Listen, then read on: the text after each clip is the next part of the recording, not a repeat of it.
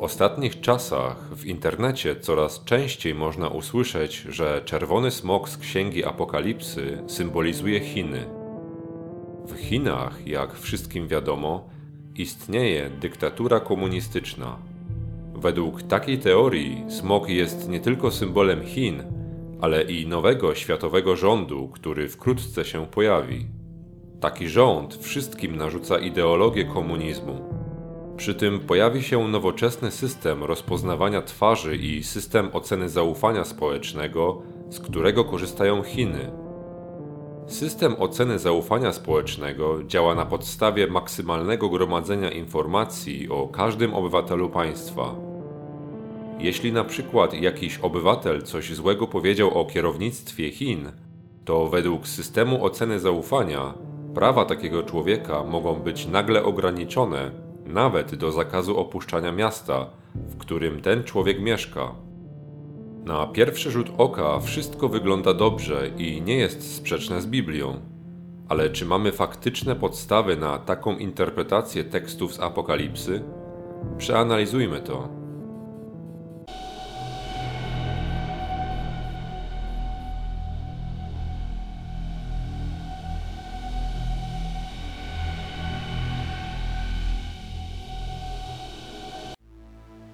I ukazał się inny cud na niebie. Oto wielki rudy smok, mający siedem głów i dziesięć rogów, a na jego głowach siedem koron. A jego ogon wlókł trzecią część gwiazd nieba i zrzucił je na ziemię. Księga Objawienia, rozdział 12, wersety od trzeciego po czwarty.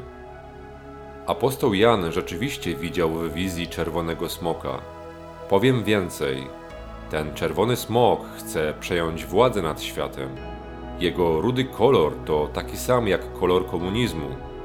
Ale tych dopasowań nie wystarczy, żeby budować na ich podstawie teorie o złych Chinach i zastraszać ludzi. O biblijnym smoku powiedziano, że zgarnął on swoim ogonem jedną trzecią gwiazd niebieskich. Wyjaśnieniem symbolu gwiazd w Piśmie Świętym i Apokalipsie są anioły – Tajemnica siedmiu gwiazd, które widziałeś w mojej prawej ręce i siedmiu złotych świeczników jest taka. Siedem gwiazd to aniołowie siedmiu kościołów, a siedem świeczników, które widziałeś, to siedem kościołów. Księga Objawienia, rozdział pierwszy, werset dwudziesty. Gdzie byłeś, kiedy zakładałem fundamenty ziemi? Powiedz, jeśli masz tę wiedzę. Kto określił jej rozmiary? Czy wiesz? Kto rozciągnął nad nią sznur? Gdy gwiazdy poranne razem śpiewały i radowali się wszyscy synowie Boży. Księga Hioba, rozdział 38, werset od 4 po 7. Myślę, że idziemy dobrą drogą, kiedy mówimy o gwiazdach jako aniołach w Apokalipsie. A rudy smok ma dostęp do świata duchowego, ponieważ anioły mieszkają w świecie duchowym. Rudemu smokowi udało się nawet zabrać coś ze świata duchowego. Mi jest ciężko powiązać Chiny i jej komunistyczną partię ze światem duchowym, o którym mowa w Biblii. Już nie mówimy o tym, żeby coś stamtąd zabrać. Wyjaśnienia trudnych biblijnych tekstów najlepiej szukać w samej Biblii. Taką zasadę przyjmowali znani reformatorzy i badacze Pisma Świętego Marcin Luther, Jan Calvin, Ulrich Zwingli i inni. Apostoł Jan w 12 rozdziale Apokalipsy wyjaśnia, kto kryje się za symbolem rudego smoka. I nastąpiła walka w niebie. Michał i jego aniołowie walczyli ze smokiem. I walczył smok i jego aniołowie. Ale nie zwyciężyli i nie było już dla nich miejsca w niebie. I zrzucony został wielki smok, wąż starodawny, zwany diabłem i szatanem, zwodzący świat. Został zrzucony na ziemię, z nim też zrzuceni zostali jego aniołowie. Księga Objawienia, rozdział 12, wersety od 7 po 9. Rudy smok to diabeł i szatan, który zwiódł pierwszą ludzką parę na ziemi.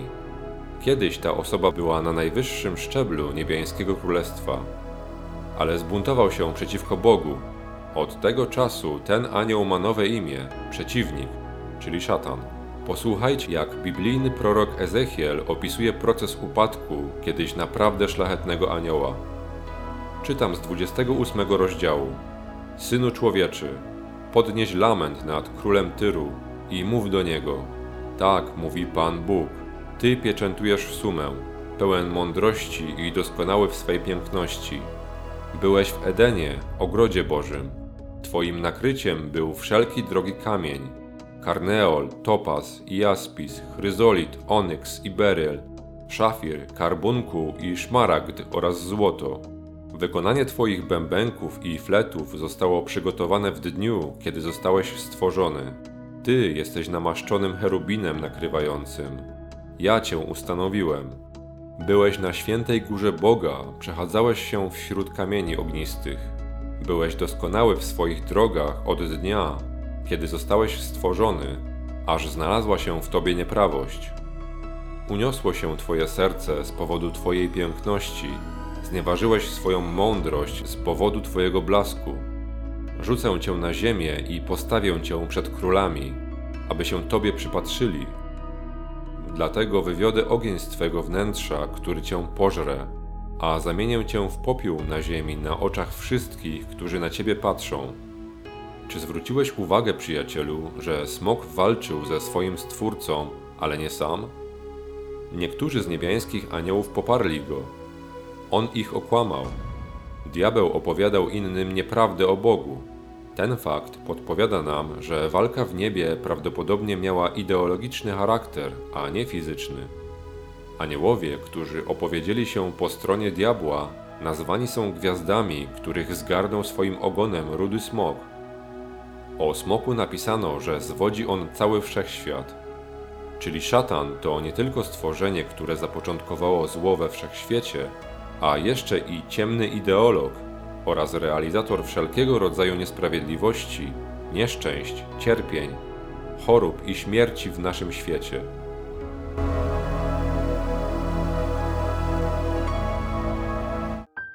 Zwróćmy uwagę na jeszcze jeden ważny fakt. Przy badaniu Pisma Świętego zawsze trzeba brać pod uwagę jego najbliższy kontekst, patrzeć na całość, a nie na osobne wersety. Żeby sprawdzić pastora, księdza, blogera, starajcie się czytać całość, a nie tylko to, co proponują, czyli te kilka wersetów. Takie podejście może pomóc Ci nie popełnić egzegetycznego błędu. Proponuję poćwiczyć. Przeczytamy kilka wersetów z Apokalipsy Jana, rozdziału 12. I ukazał się wielki cud na niebie. Kobieta ubrana w słońce i księżyc pod jej nogami, a na jej głowie korona z dwunastu gwiazd. A była brzemienna i krzyczała w bólach porodowych i w mękach rodzenia. I stanął smok przed kobietą, która właśnie miała urodzić, aby gdy tylko urodzi, pożreć jej dziecko. I urodziła syna, mężczyznę, który będzie rządził wszystkimi narodami laską żelazną i porwane zostało jej dziecko do Boga i do jego tronu. Widzimy, że rudy smok pojawia się na scenie nie sam. Obok niego znajduje się kobieta, która ubrana jest w słońce i stoi na księżycu. Wyraz ukazał się wielki cud. Mówi nam o tym, że ta kobieta jest symbolem. A symbol ten był bardzo znajomy dla chrześcijan pierwszego wieku, ludziom żyjącym w czasach Jana. Stary Testament przedstawia naród przymierza, Izrael, jako żonę, małżonkę Bożą. Tak samo Nowy Testament nazywa chrześcijan oblubienicą Chrystusa. Większość współczesnych badaczy Pisma Świętego zgadza się z tym, że symbol oblubienicy trzeba rozumieć jako naród Boży w epokach Starego i Nowego Testamentu. W następnym wersecie napisano, że kobieta krzyczała w bólach porodowych i w mękach rodzenia. W oryginale autor wykorzystuje greckie słowo basaniza torturować. Ciekawy fakt.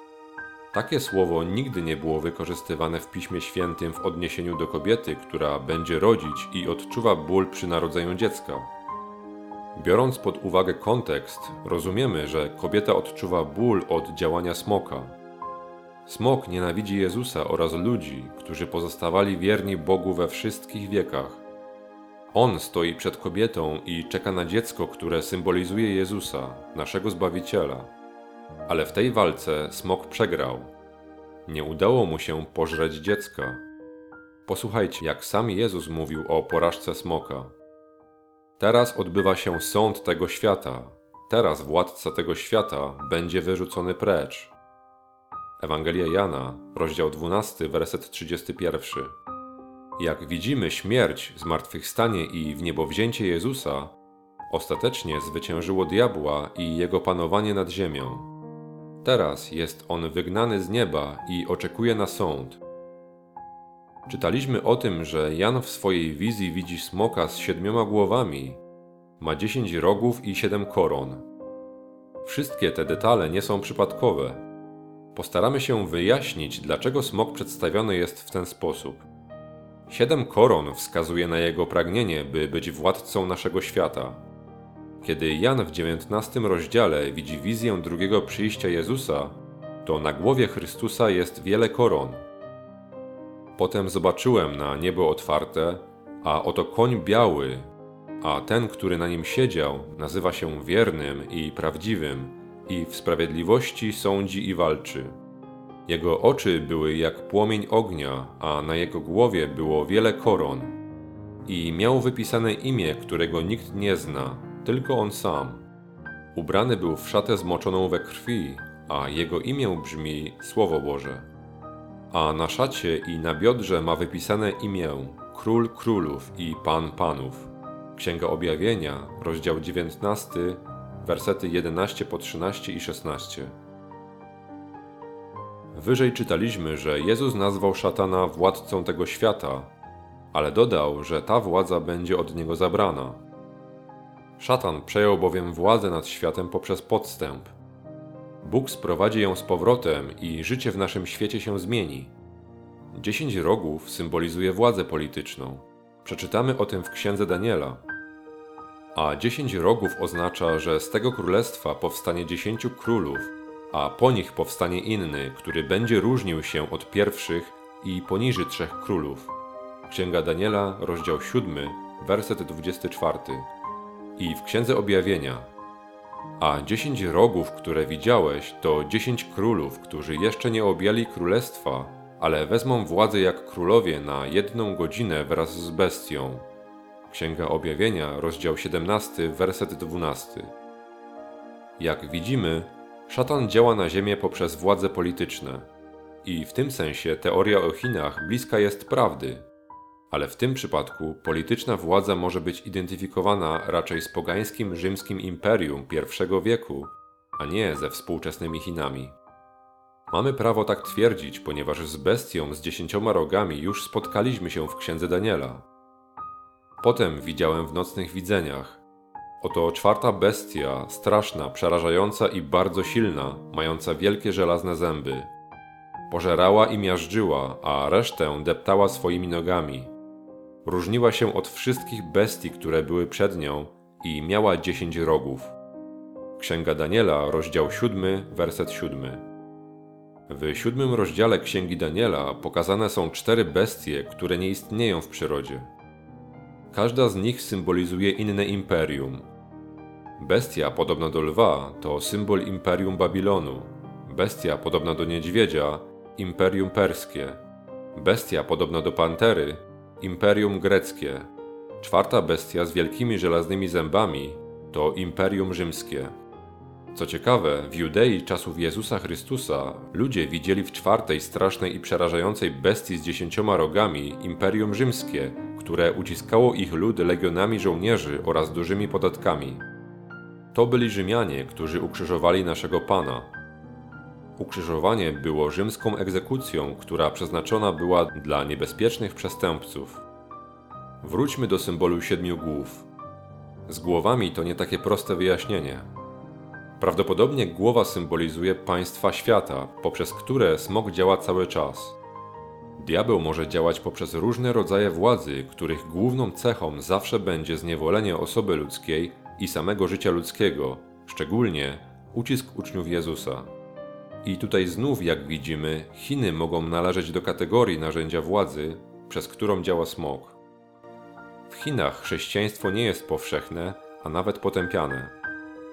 Ale smok jest bardzo wieloaspektowy i nie powinno się ograniczać tego wyłącznie chińskim państwem albo ideologią komunizmu. Jego czerwony kolor mówi prawdopodobnie o pragnieniu krwi Bożych ludzi. Polecam tutaj przeczytać w całości 12 rozdział Księgi Objawienia Jana, aby upewnić się w tym. Smok nie jest światowym rządem. To złowrogi umysł, który działa za kulisami światowych państw i imperiów. On wykorzysta je w swych celach. Czerwony smok to jest sam diabeł, władca upadłych aniołów. Kiedy mówimy o proroctwach, nie powinniśmy fantazjować tam, gdzie Pismo Święte milczy. Jednak nie spieszcie się myśleć, że proroctwa nie zawierają żadnych informacji o reżimach i państwach, które będą odgrywać kluczową rolę w ostatnich wydarzeniach historii Ziemi. Mamy nadzieję, że w kolejnych odcinkach będziemy mogli Was zapoznać z dwoma agentami smoka antychrystem i fałszywym prorokiem, którzy przyjdą na pomoc szatanowi, by podporządkować sobie każdego człowieka na ziemi i zniszczyć Boży lud. Obecnie bardzo smucą mnie dwie rzeczy. Z jednej strony istnieje dużo chrześcijańskiego kontentu i na YouTube, i na innych platformach społecznościowych, co jest dobre. Niestety jednak autorzy tych kanałów często interpretują Pismo Święte po swojemu, dodając do treści pisma swoje zrozumienie. Czasem wręcz straszą chrześcijan i tych ludzi, którzy szukają prawdy. A zniekształcać biblijne proroctwa już nie jest dobrze. Druga rzecz, która zasmuca jeszcze bardziej, to to, że dzisiaj chrześcijanie coraz rzadziej biorą Pismo Święte do ręki, żeby samodzielnie je czytać.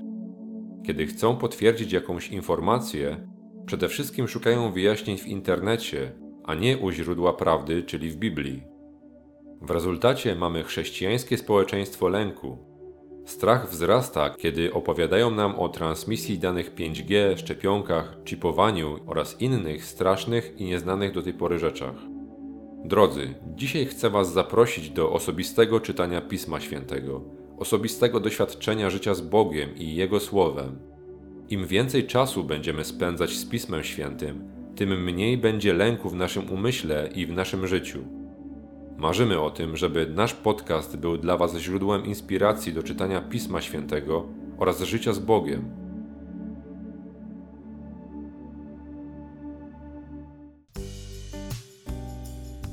Jesteśmy bardzo ciekawi, co myślicie o usłyszanych dzisiaj słowach. Czekamy na Wasze komentarze na naszej facebookowej stronie. Pomimo tego, że diabeł jest potężnym wrogiem, to jest on także przezwyciężonym wrogiem. Jezus już go zwyciężył. Wierzymy w to i czekamy na powrót Jezusa. Dzielcie się naszym podcastem ze swoimi znajomymi. Pamiętajcie, że życie z Bogiem jest zdecydowanie lepsze. Do usłyszenia.